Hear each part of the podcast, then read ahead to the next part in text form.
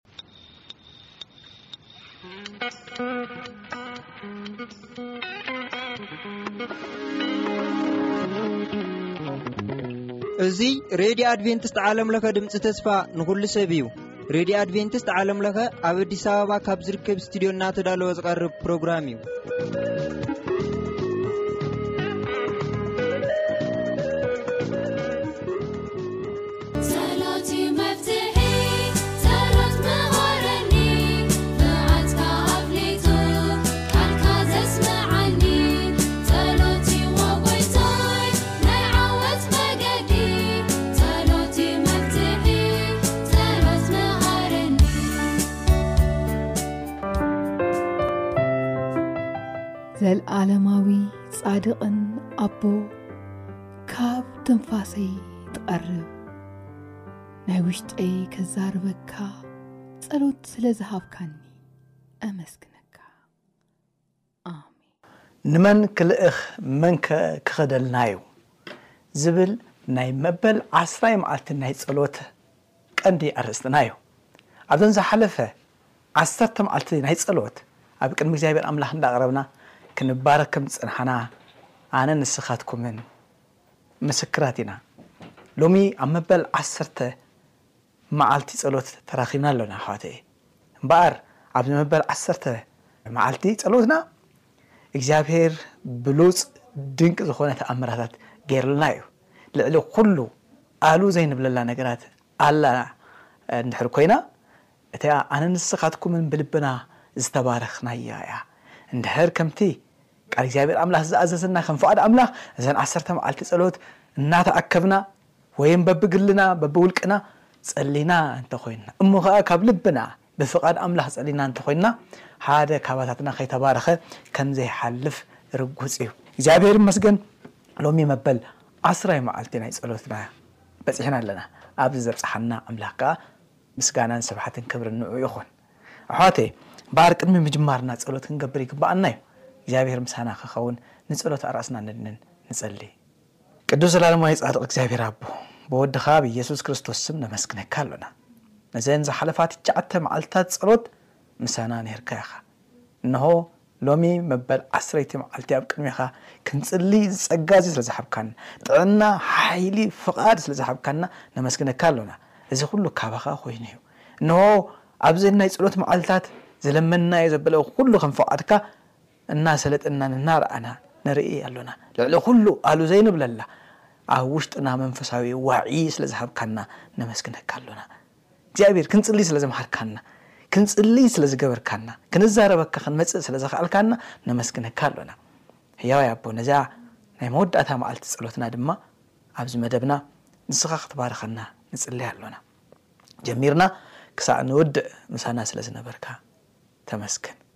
ህያዋይ እግዚኣብሔር ኣቦ ህጂ ድማ እተረፈ ግዜና ሰዓትና ኩሉ ባርኽ ምሳና ኩን ኣይትፈለየና ብሽም የሱስ ኣሜን እምበኣር ኣሕዋት ኣብቲ ናብ መሰዊ ምምላስ ዝብል ዓብዪ ኣርእስቲ ዘካየድ ዝነበረ ናይ ጸሎት ግዜና ሎሚ መበል ዓስራይ እዋኑ በጺሑ ኣሎ ኣብዚ ናይ ሎሚ እዋን ጸሎት ድማ ኣንተይ ኣብቲ ሓሳብ ከም ዝጠቐስክዎ ክኸይድ እየ ዝብል ኣርእስቲ ኣለዎ።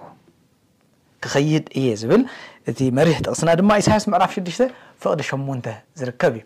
ኣብ ኢሳያስ ምዕራፍ ሽዱሽተ ፍቕዲ ሸሞንተ ንመን ክልእኽ ዝብል ሓሳብ ኣለዎ። ስለዚ ኣነ ክኸይድ እየ፣ ክኸይድ እየ፣ I will go፣ እኔ እሄዳለሁ፣ ዝብል ኣርእስቲ ኣሎ ኣብ ዝተፈላለየ ካልእ ቋንቋታት። ስለዚ እታ ጥቕሲ ናይ ኢሳያስ ምዕራፍ ሽዱሽተ ፍቕዲ ሸሞንተ ዘላ ሓሳባት ክንርኢ ኢና። ኣብ ዝሓለፈ ግዘን ትሽዓተ መዓልትታት ጸሎት እግዚኣብሄር ተዛሪብና እዩ፣ እግዚኣብሄር ቀስቂስና ድማ እዩ። ሕጂ ድማ ንሕና ግብረ መልሲ እንህበሉ ናይ መወዳእታ መዓልቲ እዩ። በዘን ናይ ዓሰርተ ናይ ጸሎት መዓልቲ ምኽንያት ማለት እዩ ስለዚ ኣነ ክኸይድ እየ ኣነ ክገብር እየ መሰዊኢታተይ ተሓዲሱ እዩ ናብ መሰዊኢታቶም ዝፈረሰ ክኸይድ እየ እንብለሉ እዋን እዩ እስኪ ቃል እግዚኣብሔር ኣምላኽ ብኸመይ ኩነታት ተጻሒፉ ከም ዘሎ ክንሪኦ እደሊ ኣብ ፍቕዲ ሸሞንተ ኢሳያስ ምዕራፍ ሽዱሽተ ናይ እግዚኣብሔር ኣምላኽ ዓብይነት፣ ግርማውነቱ፣ ክብሩ ገለ ክንርእየሉ እነንብቦ ክፍሊ ጽሑፍ መጽሓፍ ቅዱስ እዩ። ኣብ ፍቕዲ ሸሞንተ ከንብብ እሞ ተመሊሰ ካልእ ጽሑፋት ኣብኡ ከንብብ እየ። ኣብኡ እንታይ ይብል? ንመን ክልእኽ? ኢሉ እዩ ዝጅምር። ንመን ክልእኽ? መንከ ክኸደልና እዩ? ንመን ክልእኽ መንከ ኪኸደልናዩ?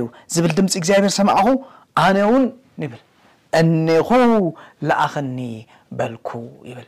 እግዚኣብሄር ይመስገን ንመን ክልእኽ እትብል ሕቶ ምስ ተሓተተት፣ መን ኪኸደልናዩ ምስ ተብሃለ ምላሽ ተጻሒፉ ኣብዚ ጽሑፍ ንረኽቦ ኢና፣ እኔኹ ልኣኸኒ በልኩ፣ እኔኹ ልኣኸኒ በልኩ እግዚኣብሔር ይመስገን ስለዚ እስኪ መን ምስ መን ከም ዝኾነ ነዘን እዛ ምዕራፍ ዘሊሉ ኣብ ፍቕዲ ሸሞንተ ንዘንበበ ሰብ ግልፂ ከይከውን ይኽእል ይኸውን እዩ እቲ ንባቡ እንታይ እዩ ዝብል ዘሎ ካብቲ መጀመርታ ርኢናዮ ኣብ መንጎ መንን መንን ዝርርብ ከም ዘሎ ናይ መን ሕቶ ቀሪቡ ናይ መን ከዓ ከም ዝተመለሰ ዝነግረና ሓሳባት ክህሉ እዩ ስለዚ እንታይ ይብል ኣብ ምዕራፍ ሽዱሽተ ኢሳይያስ ፍቕዲ ሓደ ጀሚሩ በታ ንጉስ ኡዝያ ዝሞተላ ዓመት ኣነ ይብል ኣሎ እግዚኣብሄር ኣብ በሪኽ ልዕል ዝበለን ዝፋን ተቐሚጡ ከሎ ሬእኽዎ ዘፈራት ልብሱ ኸኣ ነቲ መቕደስ መሊእዎ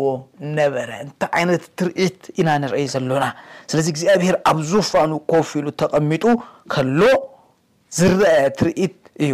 እቲ ትርኢት እቲ ድማ ዘፈራት ልብሱ ኸኣ ነቲ መቕደስ መሊእዎ ነበረ። መቸም ትኽክለኛ ስእላዊ መግለጺ ክትህብ ኣብዚ ኣጸጋሚ እዩ። ክንየው እዚኣ መጽሓፍ ቅዱስ እትብሎ ነገራት ክንዛረብ ከኣ ኣይንኽእልን ኢና። ግን። ሓደ ክንግምቶ እንኽእል ነገራት ኣሎ። እዚ ስእላዊ መግለጺ ብዓይነ ሕልናና እንድሕር ርኢናዮ ከመይ ግርማዊ ቦታ ከም ዘኮነ ከነስተውዕሎ ኣይጽግመናን እዩ። ሃፍተ ፍቅር ክልተ መሊሱ ወሲኹ ዝዛረቦ ሓሳባት ኣሎ። ከምዚ ድማ ይብል፣ ኣብ ልዕሊኡ ድማ ሱራፌል ቆይሞም ነበሩ፣ ነፍሲ ወከፎም ሽዱሽተ ክንፊ ኣለዎም። ሱራፌል ነይሮም፣ ሸሽዱሽተ ክንፊ ድማ ነይርዎ፣ በቲ ኽልተ ንገጹ ይኸድኖ፣ በቲ ኽልተ ድማ ነእጋሩ ይኸድኖ፣ በቲ ኽልተውን ይነፍር ነበረ ይብል። ኣብ ፍቕዲ ሰለስተ፣ እቲ ሓደ ኸኣ ቅዱስ፣ ቅዱስ፣ ቅዱስ እዩ፣ እግዚኣብሄር ጐይታ ሰራዊት፣ ኵላ ምድሪ ብኽብሩ መሊኣ ኣላ ኢሉ ኣድሃየ ይብል።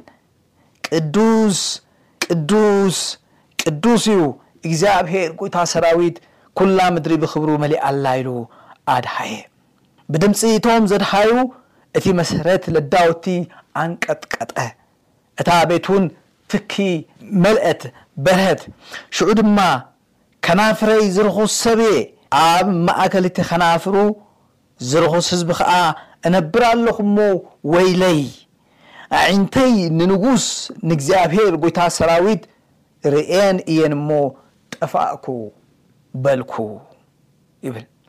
እንታይ ዓይነት ትርኢት እዩ ዘሎ ኣብዚ የሕዋት?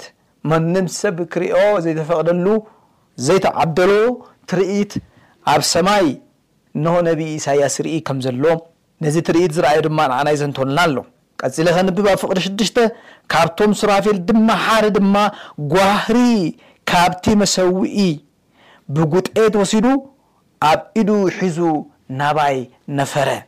ብእኡ ኸኣ ኣፈይ ተንከይ እሞ እንሆ እዚ ንኸናፍርካ ተንከዮ፣ ኣበሳኻ ረሓቐልካ፣ ሓጢኣትካውን ጸረየልካ በለ። ሽዑ እታ ዘንበብኩልኩም ጥቕሲ እታ መሪሕ ጥቕስና ትመጽእ፣ ንሳ ድማ ንሎሚ መዓልቲ ነዚ ናይ ዓስራይ መዓልቲ መዛዘሚ ጸሎትና እታ ክውንቲ ብቕዕቲ ጥቕሲ ድማ እያ፣ ንሳ ድማ እንታይ ትብል፣ ንመን ክልእኽ መንከ ክኸደልና እዩ ዝብል ድምጺ እግዚኣብሄር ሰማዕኩ፣ ኣነውን እኔኹ ልኣኸኒ በልኩ ኢሉ ኢሳያስ ኣብዚ ይዛረብን ይምልስን ኣሎ። ኣሕዋተየ ኣብዚ ዝረኣናዮ ትርኢት ኣዝዩ መስደመም እዩ። ዘገርም ትርኢት እዩ። ዘደንጹ ትርኢት ድማ እዩ። እቲ ኣነ ንስኻትኩምን እነምልኾ ኣምላኽ፣ እቲ ንኢሳያስ ክልእኮ ዝደለየ ኣምላኽ ክሳብ ክንደይ ዓቢ ኣምላኽ ምዃኑ፣ ክሳብ ክንደይ መርምም መስደመም ኣምላኽ ምዃኑ፣ ክንርኢ ክኢልና ኢና። እቲ ኣነ ንስኻትኩምን እነምልኾ ኣምላኽ ኣዝዩ ዓቢ እዩ፣ ልዑል እዩ። ግን ከኣ ኣብቶም ድኹማት ልቢ ሰባት ይሓድር፣ ኣብቶም ትሑታት፣ ኣብቶም ትሑታት፣ ኣቶም ገጹ ዝደልዩ፣ ምሕረቱ ዝናፍቑ፣ ከም ፍቓዱ ዝመላለሱ ድማ ይነብር። ዓቢ እዩ፣ ግን ከኣ ሓደ ካባታትና በክብሮት ኣቱም ኢሉ ንኣምላኽ ጸዊዕዎ ኣይፈልጥን እዩ። ነቦናን ነዴናን ንፈቶም ነፍቅሮም ኢና። ነኽብሮም ድማ ኢና። ክንጽውኦም እንከለና ግን ናይ ኢንቲሜሲ ጻውዒት ኢና ንጽውዖም። ናይ ምቅርራም፣ ናይ ቅርበት፣ ናይ ዝምድና፣ ናይ ኣቦን ወድን።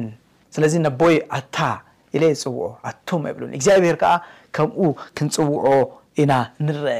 ምኽንያቱ ኣምላኽ እዚ ክንዲ ዝኣክል ዓቢ ካብ ኮነ፣ ኣእምሮና ናይ እግዚኣብሄር ኣምላኽ ዕቤት ክጻወሮን ክገልጾን ዘይክእል ክነሱ ግን ከኣ እግዚኣብሄር ምሳና ክኸውን ኣማኑኤል ኮይኑ ኣምላኽ ምሳና። ኣብቲ ከነንብቦ ንፍትን ዝጸናሕና ጥቕስታት ኣብቲ ፍቕዲ ሰለስተ እንድሕር ርኢና ቅዱስ ቅዱስ ቅዱስ ይብል ቅዱስ እግዚኣብሄር ኣብ ቅዱስ እግዚኣብሄር ወልድ ቅዱስ እግዚኣብሄር መንፈስ ቅዱስ ምዃኑ እዩ። ኣምላኽ ዝብል ሓደ ኣምላኽ ኣብ፣ ወልድ፣ መንፈስ ቅዱስ ይገልጸልና ምዃኑ ኣንፈት ይህበና ከም ዝኾነ እዩ። ንእግዚኣብሔር ኣብ ቅዱስ፣ ንእግዚኣብሔር ወልድ ቅዱስ፣ ንእግዚኣብሔር መንፈስ ቅዱስ ቅዱስ ዝብል መግለጺ ብምሃብ እዩ ኣብዚ ዝዝረብ ዘሎ። እግዚኣብሔር ጎይታ ሰራዊት ኩላ ምድሪ ብኽብሩ መሊኣ ኣላ ኢሉ ኣድሃየ። እንታይ ዓይነት ግርማን ክብርን እዩ ኣሕዋተይ በዚ ርኹስ ከናፍረይ ከምቲ ኢሳያስ ዝበሎ ነቲ ክንገር ዘይክእል መዕቀኒ ኣልቦ መንነት ኣምላኽ ዕቤት ኣምላኽ ክዛረብ እኳ እንተዘይከኣልኩ እቲ ቃል እግዚኣብሔር ኣምላኽ ግና ዝገልጾ ክዛረብ እፍትን ኣለኹ። እዚ ኣምላኽ እዚዩ ኣብቲ ፍቅዲ ሸሞንተ ንመን ክልእኽ ኢሉ ናይ ሓደ ፍሉጥ ሰብ ኣገልጋሊ ንምዃኑ ኣብዚ ዓለም ብርቂን ክብረትን እዩ። ኣቱም ኣሕዋተይ ናይ ዓለም ምሉእ ገዛኢ ናይ ዝኾነ ኣምላኽ ኣገልጋሊን ባርያን ምዃንከ ክሳብ ክንደይ ክብሪ ዘይከውን። ስለዚ እዚ ክብሪ እዚ ካብ እግዚኣብሔር ኣምላኽና ንዓይን ንኣኻትኩምን ዕድመ ቀሪብልና ጻውዒት ቀሪብልና ኣሎ። ኣብዘን ዓሰርተ መዓልቲ ነቲ ዝፈረሰ መሰውኢታትና ኩሉ ክንሕድስ ምእንታን ኣብ ቅድሚ እግዚኣብሔር ኣምላኽ ነቕርብ ኔርና ዘን ዓሰርተ መዓልቲ ሎሚ ይውድኣ ኣለዋ ሕጂ ግና መሰውኢታቶም ናብ ዝፈረሶም ገጽና ክንከይድ ደው ከንብል እግዚኣብሄር ይልእኸና ኣሎ እቲ ግዜ ሕጂ ዩ እንኸደሉ እቲ ግዜ ሕጂ ዩ እንወፍረሉ ሕጂ ዩ እቲ ግዜ ነፍሳት ከነድሕን ንሕና ዝጠዓምናዮ ኣምላኽ ክጥዕሙ ክንገብሮም እንኽእለሉ ሕጂ እዩ። እግዚኣብሄር ነዚ የድልየና። እዚ ናይ ክብሪ ኣምላኽ ከምኡ ኢሉ ይዛረበና ኣሎ። ኣሕዋተየ ኢሳይያስ ብርግጽ ካብቶም መላእኽቲ ሱራፌላት መጺኡ ነፊሩ ተንኪዩ ጓህሪ ወሲዱ ካብቲ መሰውኢ ብቁጠት ወሲዱ ኣብ ኢዱ ሒዙ ከናፍሩ ከም ዝተንከፈ። ኣፈይ ተንከየ እሞ እንሆ እዚ ንኸናፍርካ ተንከዮ፣ ኣበሳኻ ረሓቐልካ፣ ሓጢኣትካውን ጸረየልካ በለ የብለና። ስለዚ ኣነን ንስኻትኩምን እዘን ዓሰርተ ናይ ጸሎት መዓልትታት ነቲ ርኹስ ከናፍርና፣ ነቲ ዝፈረሰ መሰውኢታትና ከነድቕ ገይረናና። ክኾና ከነረጋግጽ ይግበኣና። ስለዚ ብተመሳሳሊ ድማ ንሕናውን ምስ ኢሳይያስ ኮይንና ነቲ ናይ እግዚኣብሔር ኣምላኽ ጻውዒት ንመን ክልእኽ ዝብል መንከ ክኸደልናዩ ተባሂሉ ዝተሓትተ መለስቲ ናይዚ ሕቶዚ ክንከውን እግዚኣብሔር ጸግኡ የብዝሓልና። ኣሕዋተየ እዚ ጸጋዚ ተራ ጸጋ ኣይኮነን። ንኣምላኽ ምግልጋል ተራ ነገር ኣይኮነን። ብስም ኣምላኽ ክትጽዋዕ፣ ስድራቤት ኣምላኽ ምዃንካ ክሕበረልካ ተራ ምናምን ነገራት ኣይኮነን። ስለዚ ኣምላኽ ንዓይን ንኣኻትኩምን ናይቲ ኩሉ ዝኽእል ኣምላኽ ኣገልገልቲ፣ ናይቲ ኩሉ እሱ ዝኣዘዞ ዕማም ፈጸምቲ ምእንቲ ክንከውን ጸዊዑና ኣሎ። ንመን ክልእኽ መንከ ክኸደልናዩ? ኢሉ ኣሎ። ኢሳይያስ ጽቡቕ ሕርያ ሓርዩ እኔኹ ኢሉ። ኣለኹ፣ ንዓይ ለኣኸኒ፣ ኣነ ክለኣኸካ ኢሉ። እነኹ፣ ንዓይ ለኣኸኒ፣ ኣነ ክለኣኸካ እየ። ካባይን ካባኻታትኩምን ድማ እዚ ምላሽ እዚ የድልየና ኣሎ። ንመን ክልእኽ ንዝብል ናይ እግዚኣብሔር ኣምላኽ ጻውዒት ዝንዕቕ ዘሎ ሰብ ሎሚ መን እዩ?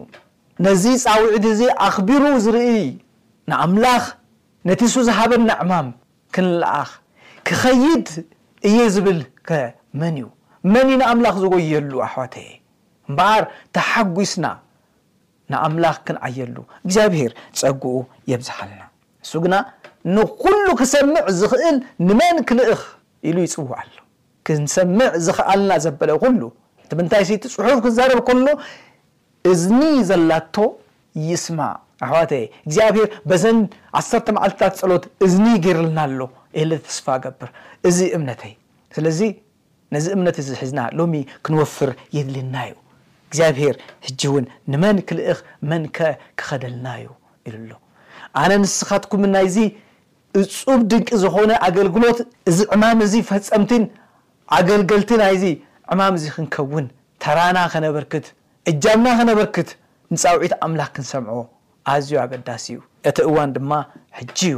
እንሆ ንኣይ ልኣኸኒ፣ ኣነ ክኸይድ እየ፣ ኣነ ክጎዪ እየ ክንብል እግዚኣብሔር ጸግኡ የብዝሓልና። እቲ ዕማም ቀሊል እዩ፣ ብሓይልን ክእለትናን ግን ከኣ ኣይፍጸምን እዩ፣ ብሓይሊ ኣምላኽ፣ በቲ ዝህበና ጸጋ ፍቓዱ ብምትግባር ጥራሕ ዝመጽእ እዩ። እንሆ ናብ ዓለም ኩሉ ኪዱ ወንጌልን ድማ ስበኹ። እዙይ እቲ ዓብዪ ዕማም፣ ዓብዪ ስራሕ ኣምላኽ ዝሃቦ። መላእኽቲ እኳ ነዚ ኣብዚ ስራሕ እዚ ክሕወሱ ይናፍቑ ይብህጉ ሉ ዘለዉ እዚ ዕማም እዚ እዩ። እዚ ዕማም እዚ ግና ብመላእኽቲ ክዕየ እግዚኣብሔር ንመላእኽቲ ኣይሃቦምን። ንዓይን ንዓኻትኩምን እዚ ዕማም እዚ ተዋሂቡና ኣሎ። ስለዚ ሎሚ እንሆ መሰውኢታቶም ናብ ዝፈረሱ ሰባት ክንከይድ እግዚኣብሔር ይጽውዓኒ። ተመጊብና እንተ ኾይንና ንኻልኦት ከነምግብ ክንወጽእ ክንወፍር እግዚኣብሔር ይሓተና እዩ። ብዙሓት ነዚ ቃል እዚ መን ክነግረና እዩ መን ከስምዓና እዩ ዝብሉ ዘርጋሕጋሕ ዝበለ ኣእጋርን ኣእዳውን ዘለዎን ወለል ዝበለ ኣእጋር ዘለዎን ዝደኸሙ ንድሕሪት ዝኸዱ ኣይ ንድሕሪት ኣይ ንቕድሚት ከኣ ዝመላለሱ ብዙሓት ኣለው እግዚኣብሔር ንዓና ተጠቂሙ ንብዙሓት ከድሕን ይደልያን ስለዚ ምስ እሰያስ ኮይና እኔኹ ለኣኸኒ ክንብል እግዚኣብሔር ጸግኡ የብዝሓልና ኣሕዋተይ እምበኣር እዘን ዓሰርተ መዓልታት ጸሎት በዚ ተዛዚመን ኣለዋ እዘን ናይ ዓሰርተ መዓልታት ጸሎት እዩ ናይ ግልና ናይ ጸሎት ህይወት ክቕጽል እዩ ካልእ ድማ ብጉጅለ ዝስራዕ ናይ ጸሎት ግዜ እውን ክቕጽል እዩ ኣብዚ ሙሉእ ዓመት እዚ ጸሎት ኣየቋርጽን እዩ። ሎሚ ግን ንዓሰርተ መዓልቲ ዝተመደበ በዚ ሎሚ መዓልቲ ክንዛዝሞ ኢና። ኣብዚ ዘብጽሓና እግዚኣብሄር ስሙ ይባረኽ። ምናልባት ኣብ መዛዘምኤ ክንጽሊ ኢና። ብዙሕ ናይ ጸሎት ሓደራ ተቐቢልና ኣሎና። ሕጂ ድማ ተምበርኪኽና ነቲ እግዚኣብሄር ብመንፈሱ ዘዘኻኸረናን ጸሎት ሓደራ ዝተቐበልናዮን ዘበለ ኩሉ ኣብ ቅድሚ እግዚኣብሄር ኣምላኽ ከነቕርብ ኢና። እዚ ክንገብር ከለና ንርእስና ከይንርስዓ ግና ክንጥንቀቕ ይግብኣና እዩ። ስለዚ ኣብቲ ዕላማን ፍቓድ ኣምላኽን ተሰዂዓ እትኸይድ ህይወት ምእንቲ ክህልወን፣ ፍቓድ ኣምላኽ ነዚ ከስምረልናን ከጽንዓልናን ድማ ክንጽሊ ኢና። እምበኣር ናብ ጸሎት ክንከይድ ከለና፣ ሎሚ ድማ ምሳይ ፌቡ ጳውሎስ ክትጽልያ፣ ብሓባር ኮይንና ኣብ ቅድሚ እግዚኣብሔር ኣምላኽ ክንጽሊ ኢና እሞ ናብ ጸሎት ንኺድ። ዘልኣለማዊ ጻድቕን ኣቦ ካብ ትንፋሰይ ትቐርብ ናይ ውሽጠይ ከዛርበካ ጸሎት ስለ ዝሃብካኒ ኣመስግነካ። ቅዱስ ቅዱስ ቅዱስ ዘለዓለማዊ ኩሉ እትኽእል ህያዋይ እግዚኣብሔር ኣቦ ብወድኻ ብኢየሱስ ክርስቶስ ስም ነመስግነካ ኣሎና። ኣሜን። ህያዋይ እግዚኣብሔር ኣምላክና ስለዘን ዓሰርተ መዓልትታት ጸሎት ኣዚና ነመስግነካ ኣሎና ልብና ናብኣኻ ስሒብና ክንነቅሕ ስለዘኽኣልካና ክብርን ዕቤትን ምስጋናን ንኣኻ ይኹን ኣሜን። እግዚኣብሔር ስለዚ ምሕዳስ መሰውኢታትና ኩሉ ነመስግነካ ኣሎና መሰውኢታትና ስለዝሓደስካዮ እግዚኣብሔር መሰውዒና ክንሕድስ ስለዝረዳእኻና ነመስግነካ ኣሎና። ናብ መሰውኢ ክንምለስ ንናይ ኣምልኹ መሰውኢታትና ክንሕድስ ስለ ዘኽኣልካና ነመስግነካ ኣሎና። እንሆ እግዚኣብሔር ኣብ ትሕቲ እዚ ኣርእስቲ እዚ ንዝተምሃርናዮ ኩሉ ትምህርትታት ከነተግብር ልብና ስለ ዘንቃሕኻዮ ነመስግነካ ኣሎና። እግዚኣብሔር ኣቦየ እንሆ ኣብ ዝተፈላለየ ቦታ ስለ ተገብረ ናይ ጸሎት እዋን ነመስግነካ ኣሎና። ብሓባር ክንጽሊ ንዓኻ ከኣ ናባኻ ከኣ ክንቀርብ ስለ ዘኽኣልካና ሓደ ልቢ ሓደ ሓሳብ ስለ ኣብ መጥካልና ነመስግነካ ኣሎና ህያዋይ ኣቦ ስለ እዚኣ ግዜ እዚኣ ውን ነመስግነካ ኣሎና ስለ ሓፍተይ ፌቡ ውን የመስግነካ ኣለኹ ስለ ናተይ ውን የመስግነካ ኣለኹ ኣብዚ ዝተሓጋግዙኒ ኩሎም ካሜራ ማናት ነመስግነካ ኣለና እግዚኣብሄር ኣምላኽና ስለ ዳዊት ሓውና ነመስግነካ ኣሎና ስለ ኣማን ሓወይ የመስግነካ ኣለኩ ስለ ቹቹ ሓፍተይ የመስግነካ ኣለኩ እግዚኣብሔር ስለ ኩሎም ኣብዚ ዝተሳተፉ ስለ በሪሁ ሓወይ የመስግነካ ኣለኩ ስለ ኣማረ ሓወይ የመስግነካ ኣለኩ ህያዋይ እግዚኣብሔር ኣቦ ዓቢ ነገር ገርካልና ኢካ እሞ ነመስግነካ ኣሎና። እግዚኣብሔር ኣቦይ ክብር ተመስገን ነመስግነካ ኣሎና ኣሜን ጎይታይ በዚ ሰዓት ስለ ዝረዳካና ተመስገን። ኣሜን። ሕጂ ውን ብኣኻ ዩ ኮይንና ስዓት እዚ እሞ ተንበርኪኽና ንዓኻ ከነመስገን ካባኻ ስለ ዝኾነና ጎይታየ ተመስገን ኣሜን እግዚኣብሔር ኣቦይ ስለ ምሕረትካ ተመስገን ኣሜን ስለ ፍቅርኻ ተመስገን ኣሜን ስለቲ ዘይውዳእ ረዲኤትካ ጎይታየ ተመስገን ኣሜን ጎይታየ እዚ ናይዚ ዝቀነየ ናይ ዓሰርተ መዓልታት ጸሎት ውን ጎይታየ ተመስገን ኣሜን ብዙሕ ነገር ተማሂርና ኣለና እሞ ጎይታየ ተመስገን ኣሜን ዝተረፈ ግዜታትና ውን ንስኻ ከምኡ ጌርካ ክትረድኣና ንልምነካ ኣሎና ኣሜን ተመስገን። ኣሜን ህያዋይ እግዚኣብሔር ኣምላኽና ሓጢኣትናን በደልናን ጉድለትናን ዘበለ ኩሉ ኣብ ቅድሜኻ ከኣ ነምጽእ ኣሎና ሓጢኣትናን ሓጢኣት ህዝብናን ኣሕዋትናን ጎረባብትናን ወለድናን ኣሕዋትናን ኩሉ ህዝብን ኣብ ቅድሜኻ ነቕርብ ኣሎና ንስኻ ጻድቅ ኮንካ ክትርከብሲ ንሕና ንዓኻ ጥራሕ በደልና ስለዚ በዚ ዓሰርተ መዓልቲ ሓጢኣትና ክፍለጠና ክስወጠና ስለ ዝገበርካና ነመስግነካ ኣሎና ሓጢኣትና ናባኻ መጺእና ክንነግር ስለ ዝመሃርካና ውን ነኽብረካ ኣሎና። እነሆ ካብ ሓጢኣት ርሑቅ ክንከይድ ስለ እትገብረና ነመስግነካ ኣሎና። እግዚኣብሄር በዚ መዓልቲ እዚ ውን ንሓጢኣትና ዝሽፍን ምሕረት ከም ዘሎካ ህጂ ውን ብፍቕሪ ከም ትርእየና ናይ እንደገና ኣምላኽ ከም ዝኾንካ ስለ ዘረኣኻና ነመስግነካ ኣሎና። ነቢ ዘሎ ሓጢኣትና ካባኻ ከውሎ ኣብ ምርሳዕ ባሕሪ ደርብዮ ንሓጢኣትና ሸፍኖ እግዚኣብሄር ብደምካ ኣጽርዮ ኢልና ጸሊና ስለ ዘርሓቅካናን ስለ እተርሕቀልናን ነመስግነካ ድማ ኣሎና። ኣሜን ጎይታየ ናይ ምሕረት ኣምላክ ኢካሞ ተመስገን ኣሜን ሓጢኣት ናይ ትጽብጽብኒ ኢካሞ ጎይታየ ተመስገን ኣሜን ንሕና ሓጥኣን በደልኛታት ኢናሞ ጎይታየ ግን በቲ ዘለና ከኣ ጎይታየ ይቅረ ንብል ኣለናሞ ይሬታ ናትኻ ተቀበል ጎይታየ ሓጥያትና ሓጥያት ህዝብና ሓጥያት ኩሉ ቤተሰብና ጎይታይ ንቅመ ተኣሚንና ኣባኻ ንቀርብ ኣሎናሞ ጎይታየ ንስኻ ሓጥያትና ሕጸበና እግዚኣብሔር ኣቦይ። ህያዋይ እግዚኣብሔር ኣቦና እንሆ ድማ ስለ ናተይ ስለ ሓፍተይ ስለዚኦም ካሜራ ማናትን ከምኡ ከኣ ስለቶም ኣብዚ መደብዚ ዝከታተሉ ምእመናን ኣሕዋት ኣብ ርሑቁን ቀረባን ዘለዉ ኩሉ ጾር ኣብ ቅድሜኻ ነቅርብ ኣሎና።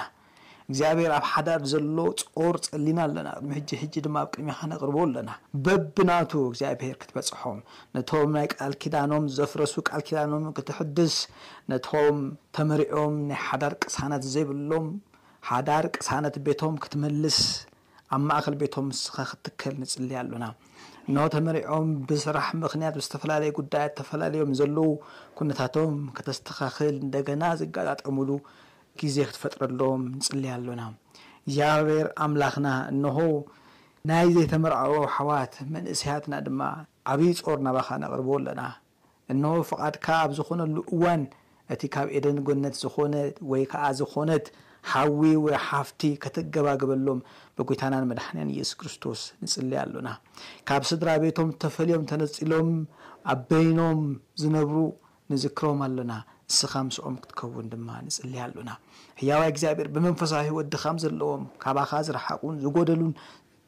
ኩሎም ናባኻ ክምለሱ ንስኻ ብመንፈስ ምምላስ ክትራኸቦም ንጽሊ ኣሎና ህያዋይ እግዚኣብሔር ኣምላኽ ስለ እትኽእል እዚ ነመስግነካ ኣሎና።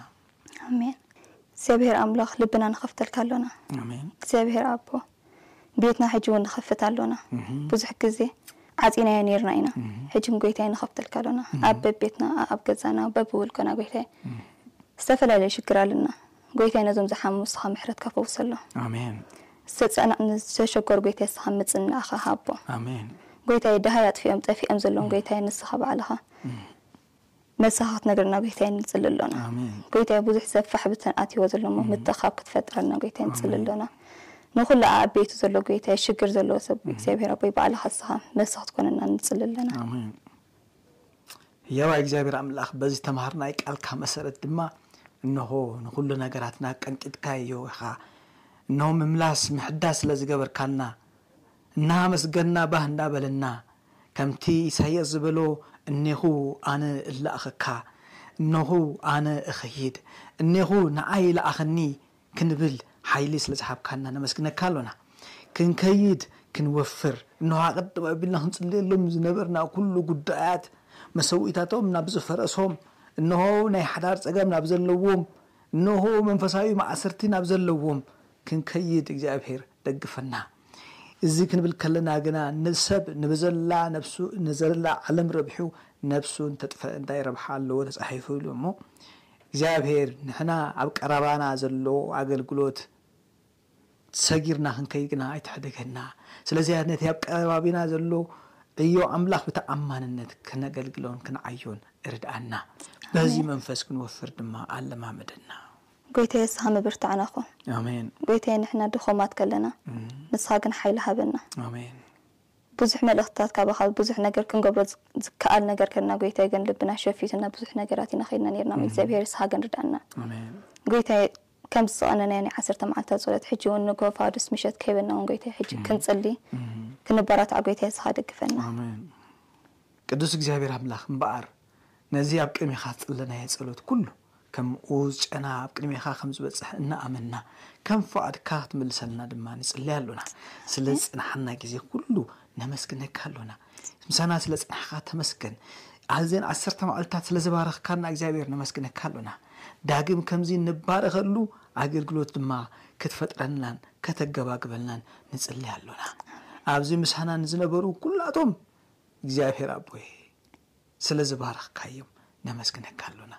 ደጊመ ስለ ፌቡ ሓፍተይ ኤመስግነካ ኣለኹ እንሆ ብጸሎት ክትሓብረና ኣብ ቅድሜኻ እንሆ ናታን ንሕዝባን ከተቕርብ ፍቓዳ ስለ ዝሃብካያ ነመስግነካ ኣለኹ ስለይ ውን ኤመስግነካ ኣለኹ እግዚኣብሄር ስለዚ ስትድዮ ሆፕ ቻነል ነዚ መደብዚ ከካይድ ስለ ዝተግሁ ነመስግነካ ኣሎና ስለቶም ናይ ቴክኒክ ክፍሊ ስለቶም ናይ ካሜራ ማናት ኣብ ስቲድዮ ዝሰርሑ ኤዲተራት እግዚኣብሄር ነቶም ፕሮዲሰራት መራሕቲ ዘበሉ ኩላቶም ክትባርኽ ንጽሊ ኣሎና እግዚኣብሄር ስለዛ ቤተክርስትያንና ውን ነመስግነካ ኣሎና ኣብ ምሉእ ዓለም ዙርያ ንዘለዉ ኣሕዋትና ነመስግነካ ኣሎና እግዚኣብሄር ኣቦ ብዙም ድማ መዓልታዊ እዚ መደብ እዚ ክካየድ ስለቲ ዝገበሩ ኩሎም ከምዚ ዝኣመሰሉ ኣሕዋት ስለዝሃብካና ነመስግነካ ኣሎና ብእኡ መጺኦም ዘጽንዑናን እንሆ እቲ ንዳድ ሓዊ ኣገልግሎትካ ክነድድ ከይጠፍእ ምእንታን ኩሎም ዝተሳተፉ ብኩሉ ጸጋኻ ባረኮም